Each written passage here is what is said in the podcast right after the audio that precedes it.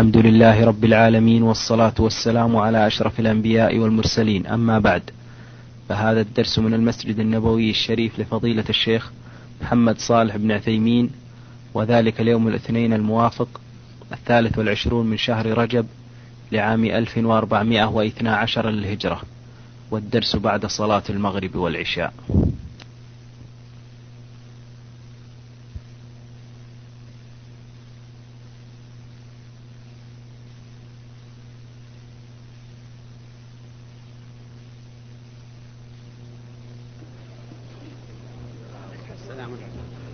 السلام عليكم ورحمة الله وبركاته.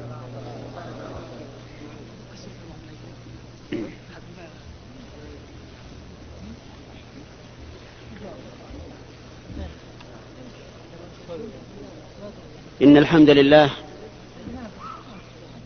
نحمده ونستعينه ونستغفره ونعوذ بالله من شرور أنفسنا ومن سيئات أعمالنا. من يهده الله فلا مضل له ومن يضلل فلا هادي له وأشهد أن لا إله إلا الله وحده لا شريك له وأشهد أن محمدا عبده ورسوله.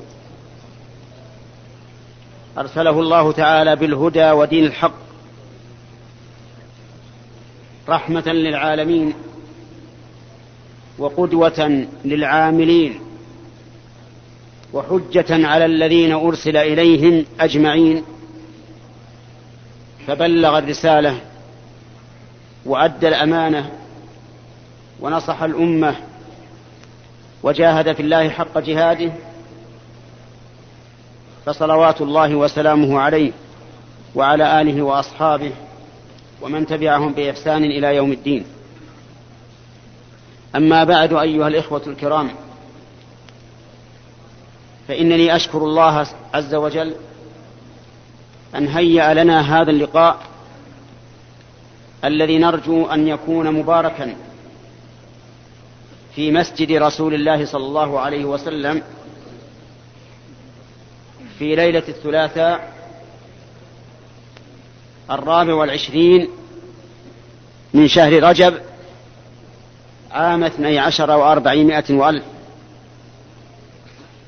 ثم أشكر أخانا الشيخ أبا بكر الجزائري أن أتاح لنا الفرصة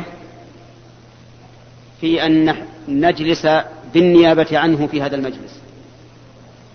وأسأل الله تعالى وأسأل الله تعالى أن يثيب الجميع وأن يجعل العمل خالصا لله موافقا لشرع الله. أيها الإخوة إن الأمة كانت قبل بعثة النبي صلى الله عليه وسلم في جاهلية عمياء وضلال على غير هدى وتشتت وتفرق وقتال وانتحار ينحر بعضهم بعضا ويضرب بعضهم رقاب بعض. ولما كان الناس في أشد الضرورة إلى الرسالات الإلهية وكانوا إليها أشد من حاجة من حاجة الطعام والشراب. أرسل الله محمدا صلى الله عليه وسلم على حين فترة من الرسل وانطماس من السبل فبعثه الله عز وجل في أم القرى. وكان أول ما دعا إليه توحيد الله عز وجل. الذي خلق الله من أجله الخلق. كما قال تعالى وما خلقت الجن والإنس إلا ليعبدون أي ليوحدوني في العبادة. ومن أجله أرسل الله الرسل. كما قال الله تعالى وما أرسلنا من قبلك من رسول إلا نوحي إليه أنه لا إله إلا أنا فاعبدون. ومن أجله من أجل تحقيقه قامت المعارك الكلامية والقتالية بين الرسل وأعدائهم. ولكن كان النصر للرسل وأوليائهم إما في الدنيا وإما في الآخرة. كما قال الله تعالى وكان حقا علينا نصر المؤمنين. وقال تعالى إنا لننصر رسلنا والذين آمنوا في الحياة الدنيا ويوم يقوم الأشهاد. يوم لا ينفع الظالمين معذرتهم ولهم اللعنة ولهم سوء الدار. وبقي النبي صلى الله عليه وسلم في أول رسالته يدعو الناس إلى تحقيق توحيد الله. بقي على ذلك أكثر من عشر سنوات. لم تفرض عليه لا صلاة ولا زكاة ولا صيام ولا حج. كل هذا من أجل تحقيق التوحيد. لأن الإنسان إذا حقق توحيد الله عز وجل سهلت عليه بقية العبادات. إذ أن العبادات للتوحيد بمنزلة الماء للشجر. يروي التوحيد ويبقي حياته. فهو الأصل. ولما عرج بالنبي صلى الله عليه وسلم قبل الهجرة إما بسنة أو بثلاث سنوات لما عرج به صلى الله عليه وسلم فرض الله عليه الصلوات الخمس. ولما هاجر فرض الله عليه الصيام في السنة الثانية من الهجرة. السنة الثانية من الهجرة تمثل بالنسبة للبعثة خمس عشرة سنة. يعني لم يفرض الصيام إلا بعد خمس عشرة سنة من البعثة. ولما فتح الله مكة في السنة الثامنة من الهجرة وكانت مكة بلاد إسلام بعد أن كانت بلاد كفر فرض الله عليه الحج. إذا كل إنسان عاقل يفهم تدرج الشريعة على هذا الوجه يعلم أن أهم شيء في شريعة رسول الله صلى الله عليه وسلم كما في شريعة غيره هو تحقيق التوحيد. التوحيد بأي شيء نوحد الله. أولا نوحد الله عز وجل بالعبادة. لا نعبد غيره. لا ملكا مقربا ولا نبيا مرسلا ولا زعيما دينيا ولا زعيم سلطان وإنما نعبد الله وحده لا شريك له. فقط. ثانيا توحيد الله عز وجل بالخشية والإنابة. بالخشية والخشية هي الخوف المقرون بالعلم. الخوف المقرون بالعلم لأن الخوف قد يكون سببه عظمة المخوف. قد يكون سببه عظمة المخوف وعلم الخا وعلم الخائف بذلك وحينئذ يكون خشية. وقد يكون سبب الخوف ضعف الخائف وجهله بحقيقة المخوف وحينئذ نقول إنه خوف ولا نقول إنه خشية. ودليل ذلك قول الله عز وجل إنما يخشى الله من عباده من؟ العلماء. العلماء بماذا؟ العلماء بالذرة بالتكنولوجيا بقاعات البحار بطبقات الأرض؟ لا. إنما يخشى الله من عباده العلماء بالله. العلماء بالله. وبما له من العظمة وبما له من الصفات. وبما له من الحقوق وبما له من الحكمة وبما له من السلطان إلى غير ذلك من صفات الله عز وجل وأحكامه الكونية والشرعية. هذا هؤلاء هم العلماء فأفقه الناس وأعلم الناس هم العلماء بالله. اذا أفرد الله بالخشية. لا أخشى غير الله. كما قال الله تعالى فلا تخشوا الناس واخشوني. أتخشونهم؟ فالله أحق أن تخشوه. فإنما ذلكم الشيطان يخوف أولياءه. فلا تخافوهم وخافوني إن كنتم مؤمنين.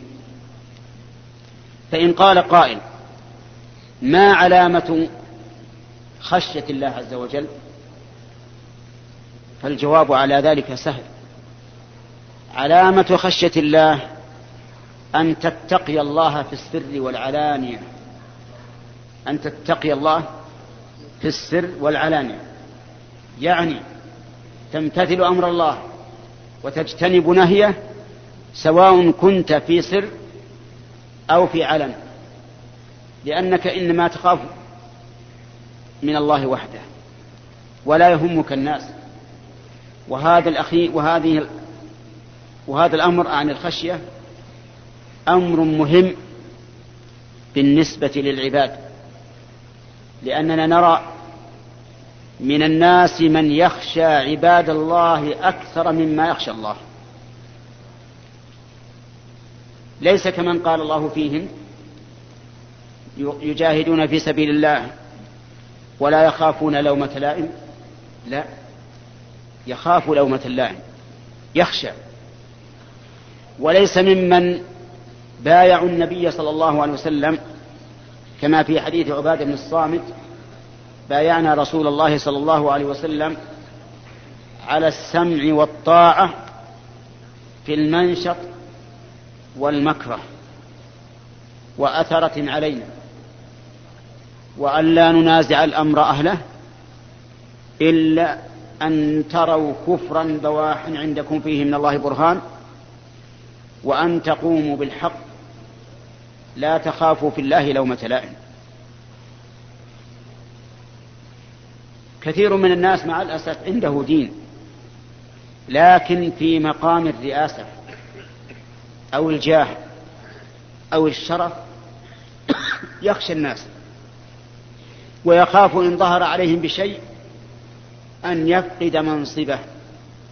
وهذا الرأي والفكر إنما ورث عن المشركين الذين ردوا ما جاءت به الرسل حفاظا على جاههم وشرفهم. أما المؤمن حقا فإنه يعلم أنه إذا أرضى إذا أسخط الناس برضا الله كانت العاقبة أن يرضى الله عنه ويرضى عنه الناس. أما إذا أرضى الناس بسخط الله كانت العاقبة أن يسخط الله عليه ويسخط عليه الناس. لأن قلوب العباد بيد من؟ بيد الله. كما صح عن النبي عليه الصلاة والسلام. أنه قال ما من قلب من قلوب بني آدم إلا بين أصبعين من أصابع الله يصرفه كيف يشاء. ثم قال اللهم مصرف القلوب صرف قلبي إلى طاعتك. اللهم مصرف القلوب صرف قلوبنا إلى طاعتك. اللهم مصرف القلوب صرف قلوبنا إلى طاعتك. القائل هذا رسول الله صلى الله عليه وسلم المعصوم.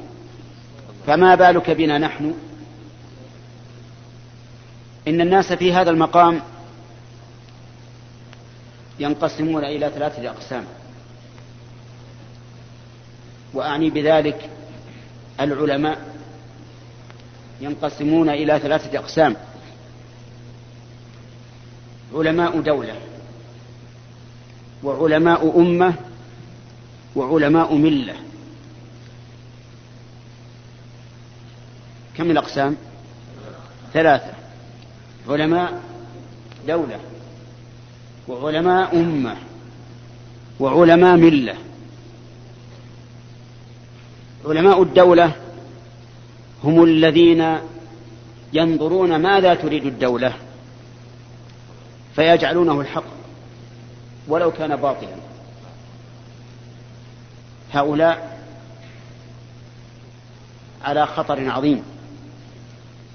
قد ضيعوا الأمانة ولم يقوموا بما أمر الله به من نشر العلم الذي جاء به محمد صلى الله عليه وسلم بل كتموه اتباعا لأهواء من يريدون إرضاءه من دولتهم التي تريد منهم أن يقولوا بغير الحق. وما أكثر هؤلاء ولكنهم ليسوا والحمد لله أكثر الناس لكنهم كثيرون.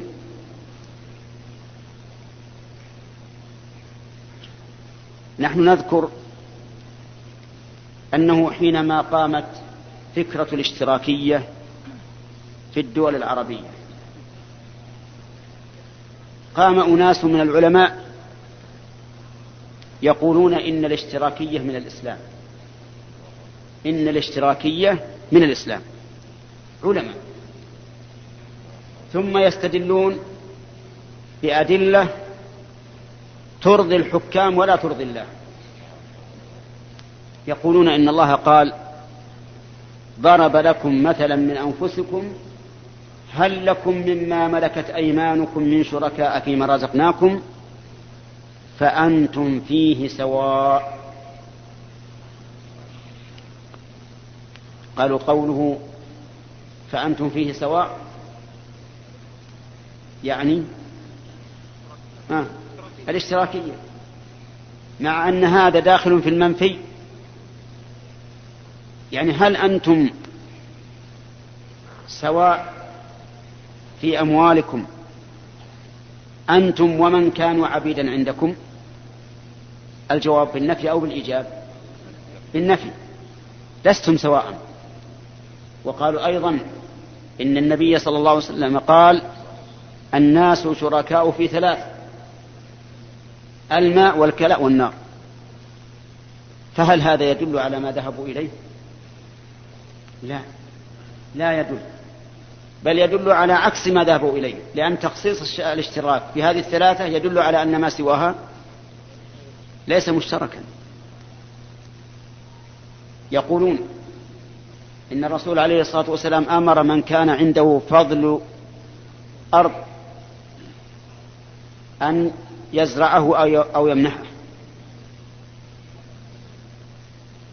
وهذا قد يكون لهم فيه نوع تمسك. لكنه من من النصوص المشتبهة.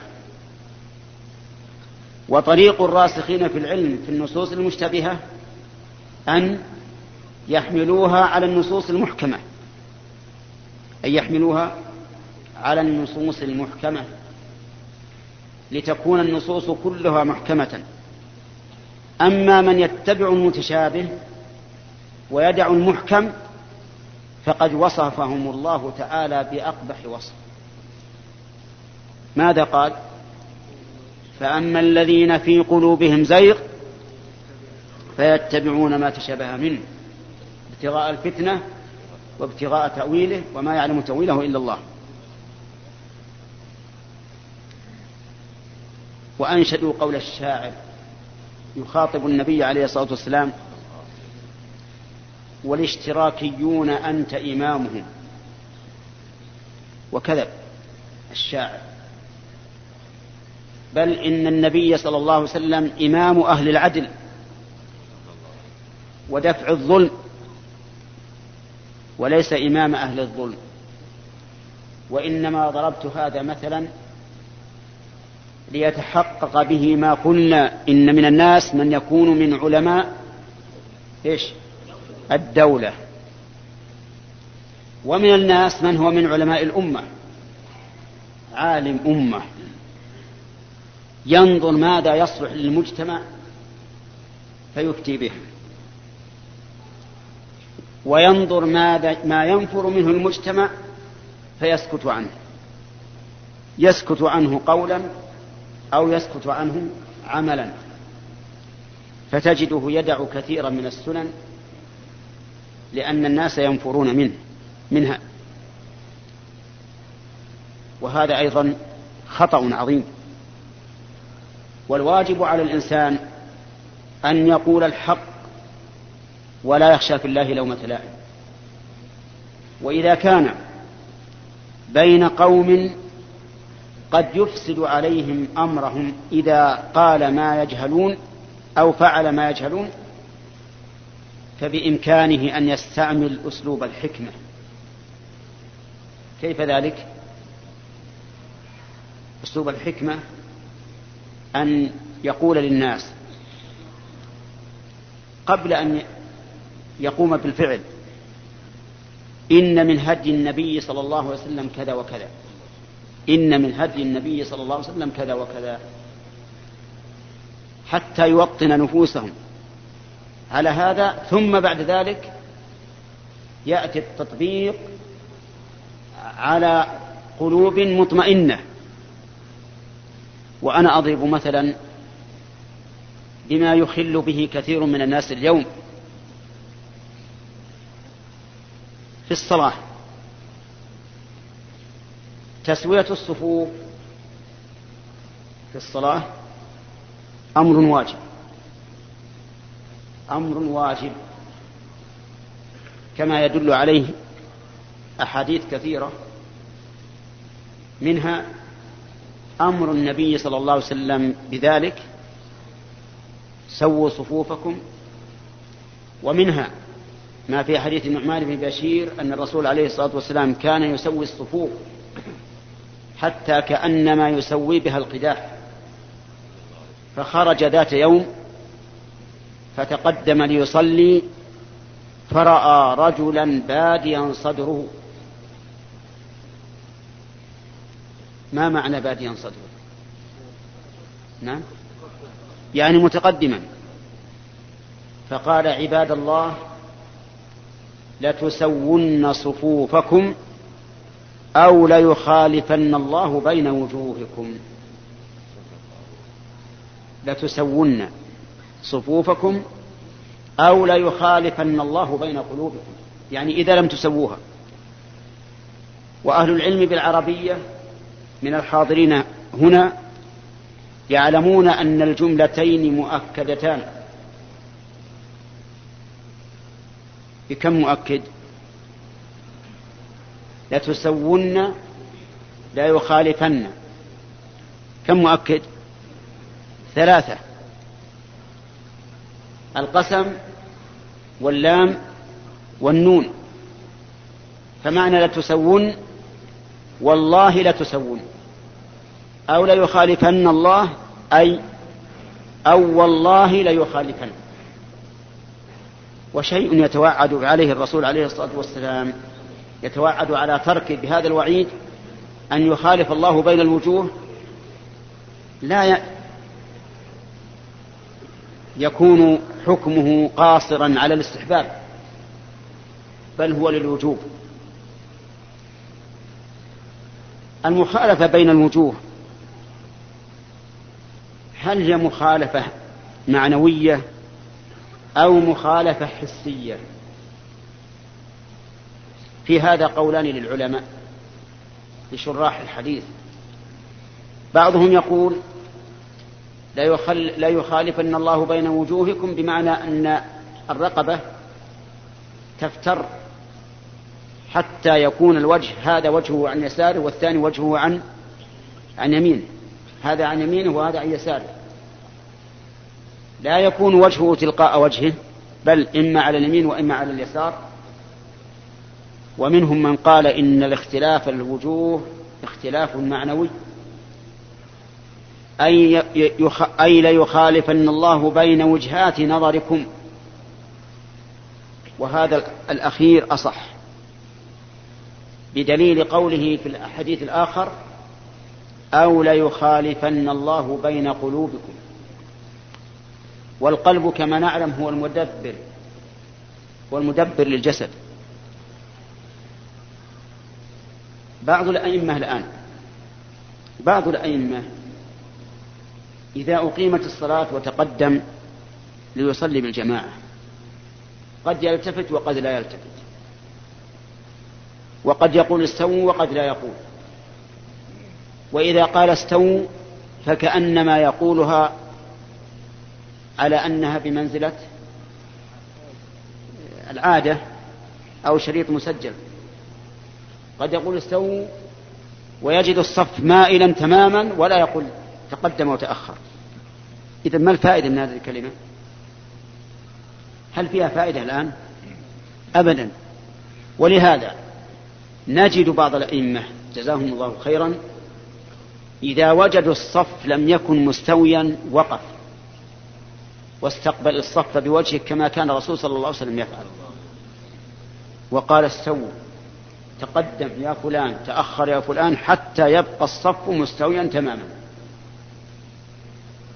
لكن الصنف الأول من من الأئمة لا يقول لا يفعل مثل هذا الفعل ولا يقول مثل هذا القول لماذا؟ لأنه إيش؟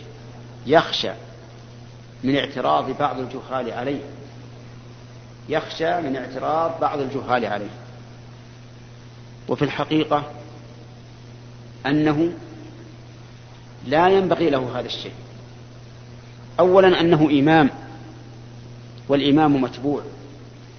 وثانيا أنه ينبغي لكل إمام من أئمة المساجد أن ينظر هدي النبي صلى الله عليه وسلم كيف يؤم الناس وكيف يفعل حتى يهتدي بهديه ويتبع لسنته. مثال آخر. ونحن نضرب الأمثلة لعل الله أن ينفع بها. مثال آخر. أهل العلم يعلمون أن سجود السهو إذا سهى الإنسان في صلاته. أحيانا يكون قبل السلام وأحيانا يكون بعد السلام. يكون قبل السلام في موضعين ويكون بعد السلام في موضعين. يكون قبل السلام في موضعين. إذا ترك واجبا من واجبات الصلاة سواء كان قوليا أم فعليا وإذا شك في عدد الركعات ولم يترجح عنده شيء فإنه يبني على الأقل ثم يسجد للسهو قبل السلام. إذن في موضعين. الأخ نعم. وأنت قائم.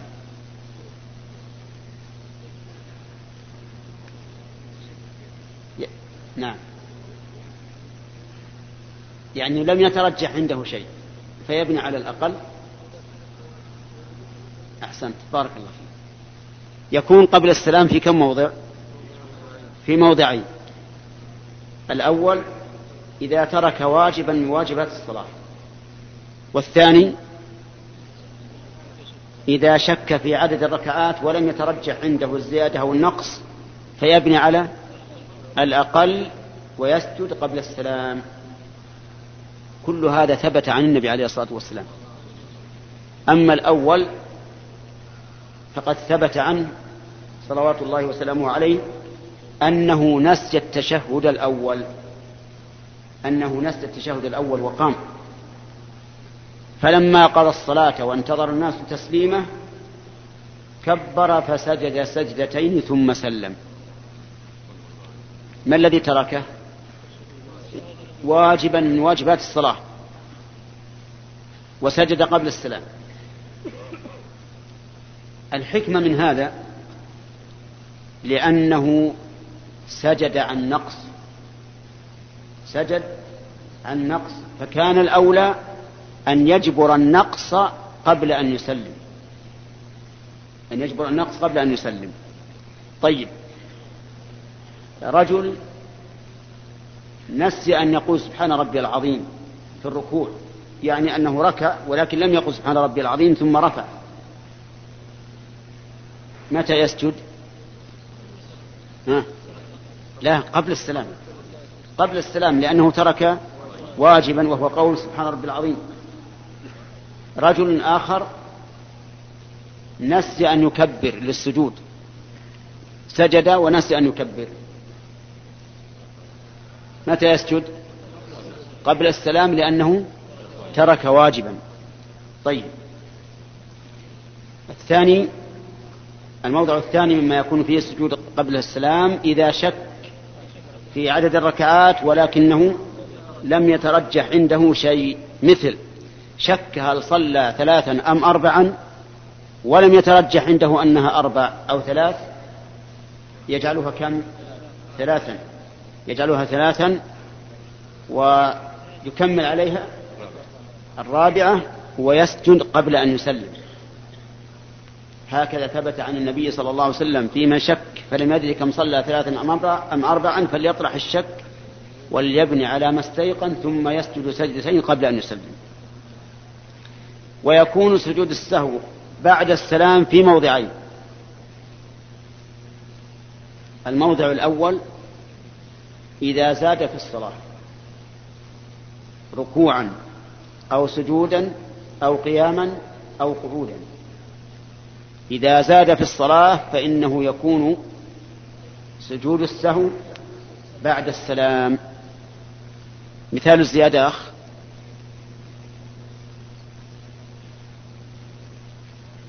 صلى خمس ركعات ولم يعلم بذلك إلا وهو في التشهد. نعم؟ طيب تمام.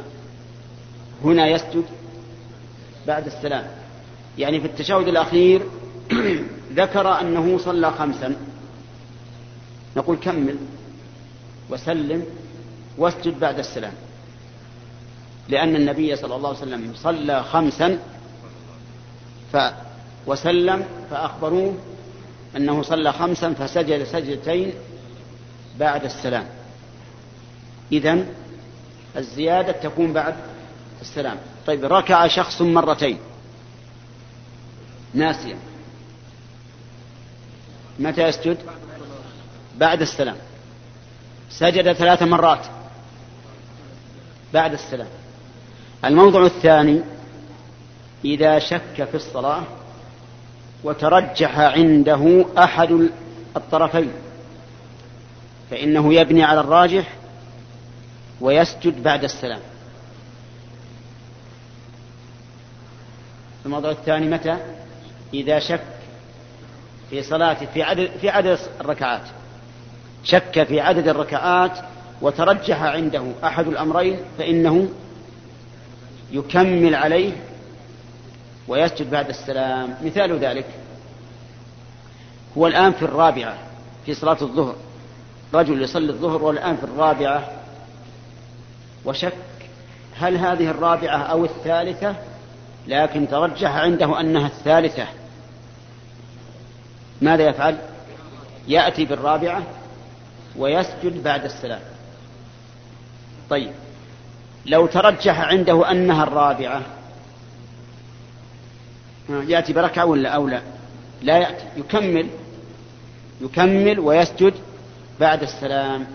هكذا ثبتت به السنة كما في حديث عبد الله بن مسعود رضي الله عنه أن النبي صلى الله عليه وسلم أمر من شك في صلاته أن يتحرى الصواب ويبني عليه ثم يسجد سجدتين بعد أن يسلم.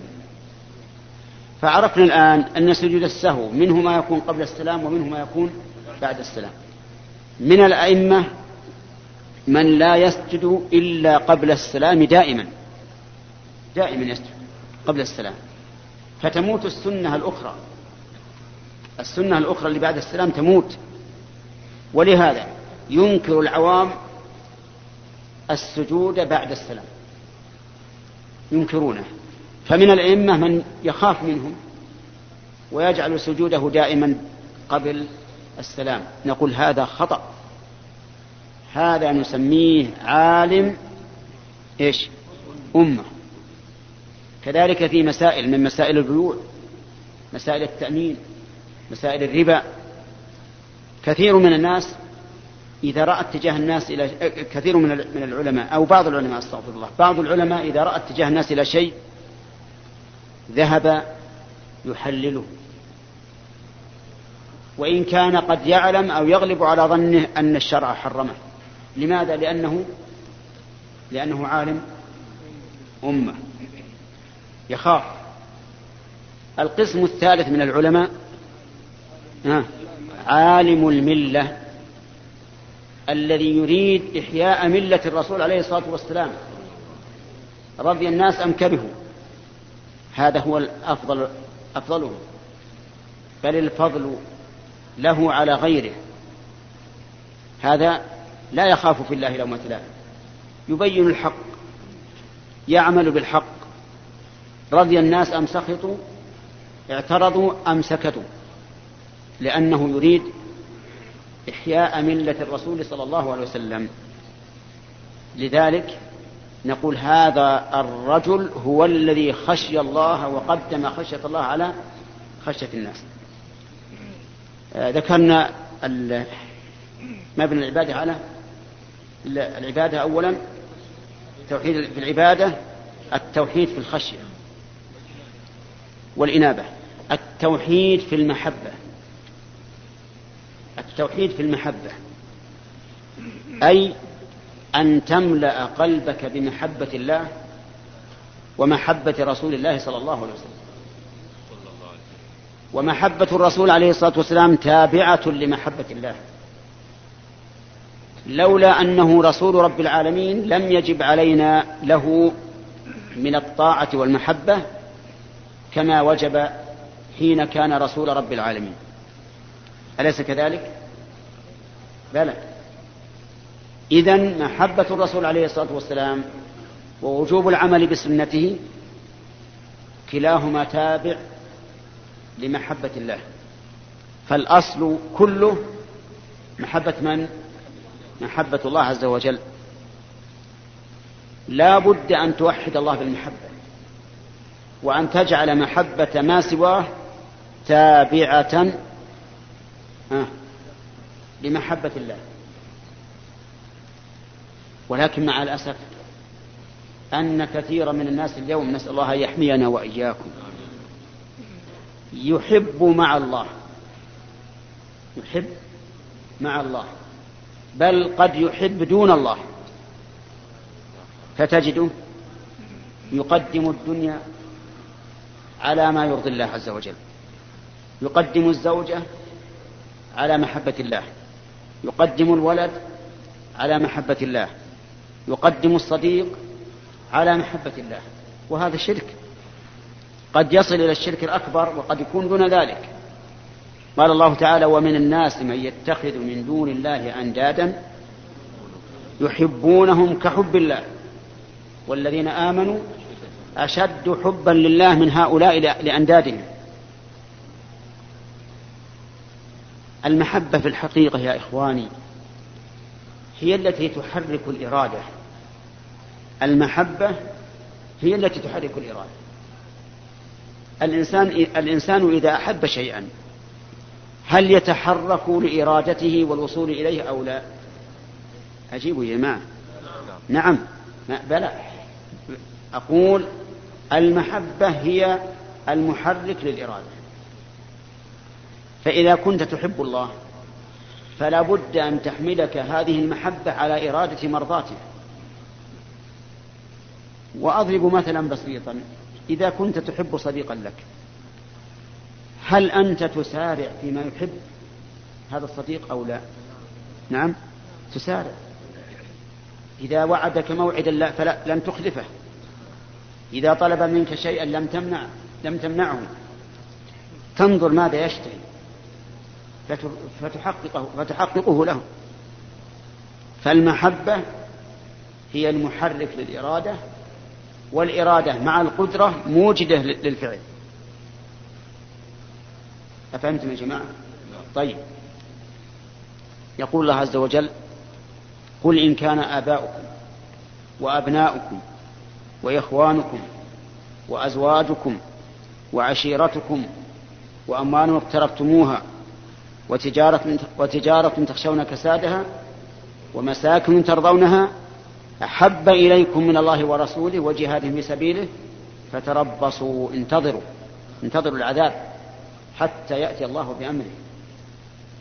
إن الله لا يهدي القوم الفاسقين. إذا لابد أن نوحد الله بمحبته عز وجل. ولكن مع الأسف أنه يوجد أناس من المسلمين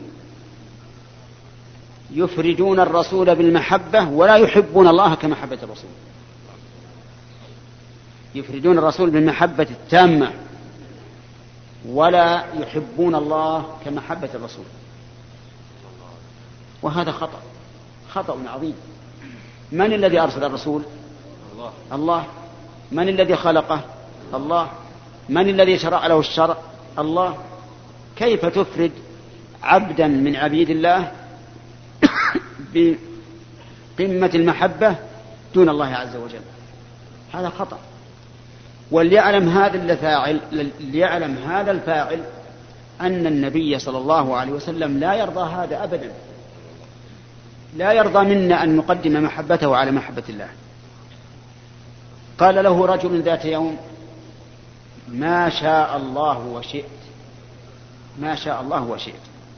فقال أجعلتني لله ندا بل ما شاء الله وحده أجعلتني لله ندا؟ بل ما شاء الله وحده. وإذا كان لا يجوز للمسلم أن يقدم محبة رسول الله صلى الله عليه وسلم الذي هو أفضل الخلق على محبة الله فما دون الرسول عليه الصلاة والسلام من باب أولى. فلا يجوز أن نقدم محبة آبائنا أو أمهاتنا أو أنفسنا أو علمائنا أو مشايخنا لا يجوز أن نقدم محبتهم على إيش؟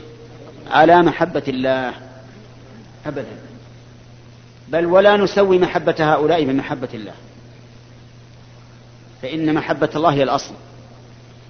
والمتحابون إذا تحابوا في الله انتفعوا بالمحبة.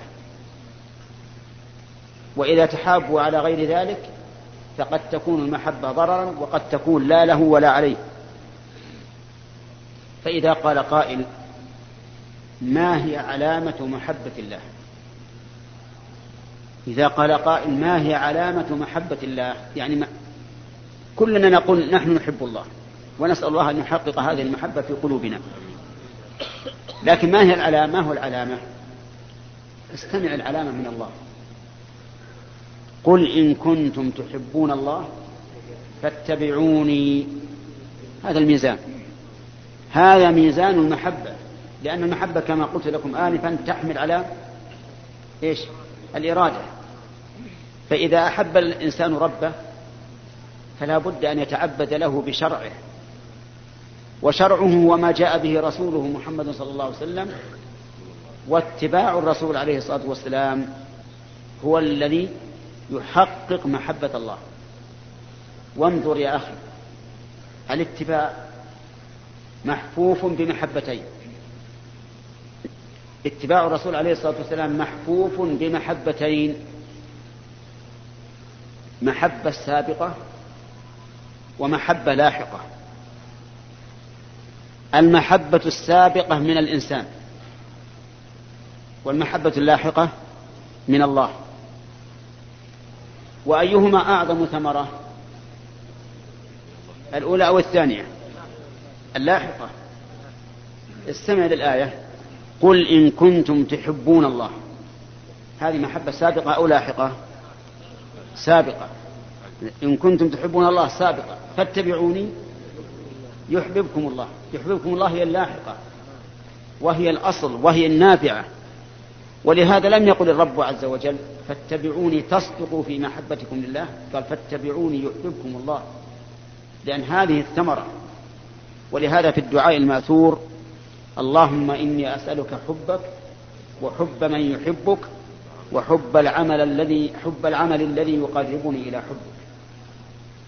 إذا المحبة لا بد من توحيد الله تعالى بها بحيث لا يكون أحد من الخلق مساويا لله في هذه المحبة.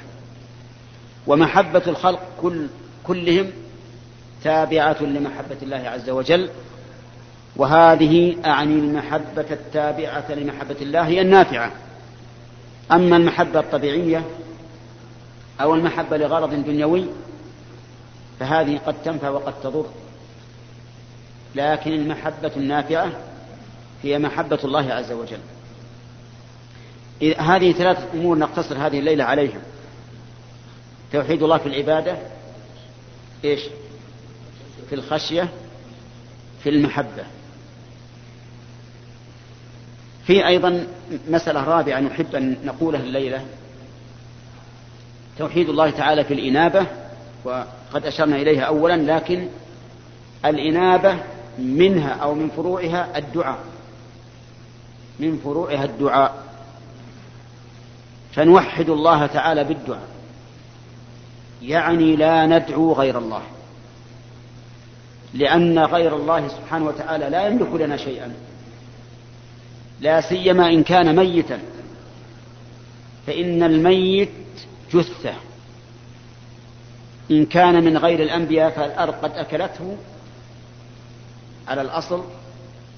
إن كان من الأنبياء فالأرض لا تأكل أجساد الأنبياء. فإن, فإن الله حرم على الأرض أن تأكل أجساد الأنبياء. أما غير الأنبياء فالأصل أن الأرض تأكله. فلا يمكن. أن ينفع أحد من الأموات أحدا من الأحياء. أبدا. قال الله عز وجل ومن أضل ممن يدعو من دون الله من لا يستجيب له إلى يوم القيامة وهم عن دعائهم غافلون. وإذا حشر الناس كانوا لهم أعداء وكانوا بعبادتهم كافرين. وقال الله سبحانه وتعالى إن تدعوهم لا يسمعوا دعاءكم ولو سمعوا ما استجابوا لكم ويوم القيامة يكفرون بشرككم فسمى الله دعاءهم شركا ويوم القيامة يكفرون بشرككم ولا ينبئك مثل خبير إذا لا يحل لنا أن ندعو الرسول عليه الصلاة والسلام أو أن نقول يا رسول الله أغث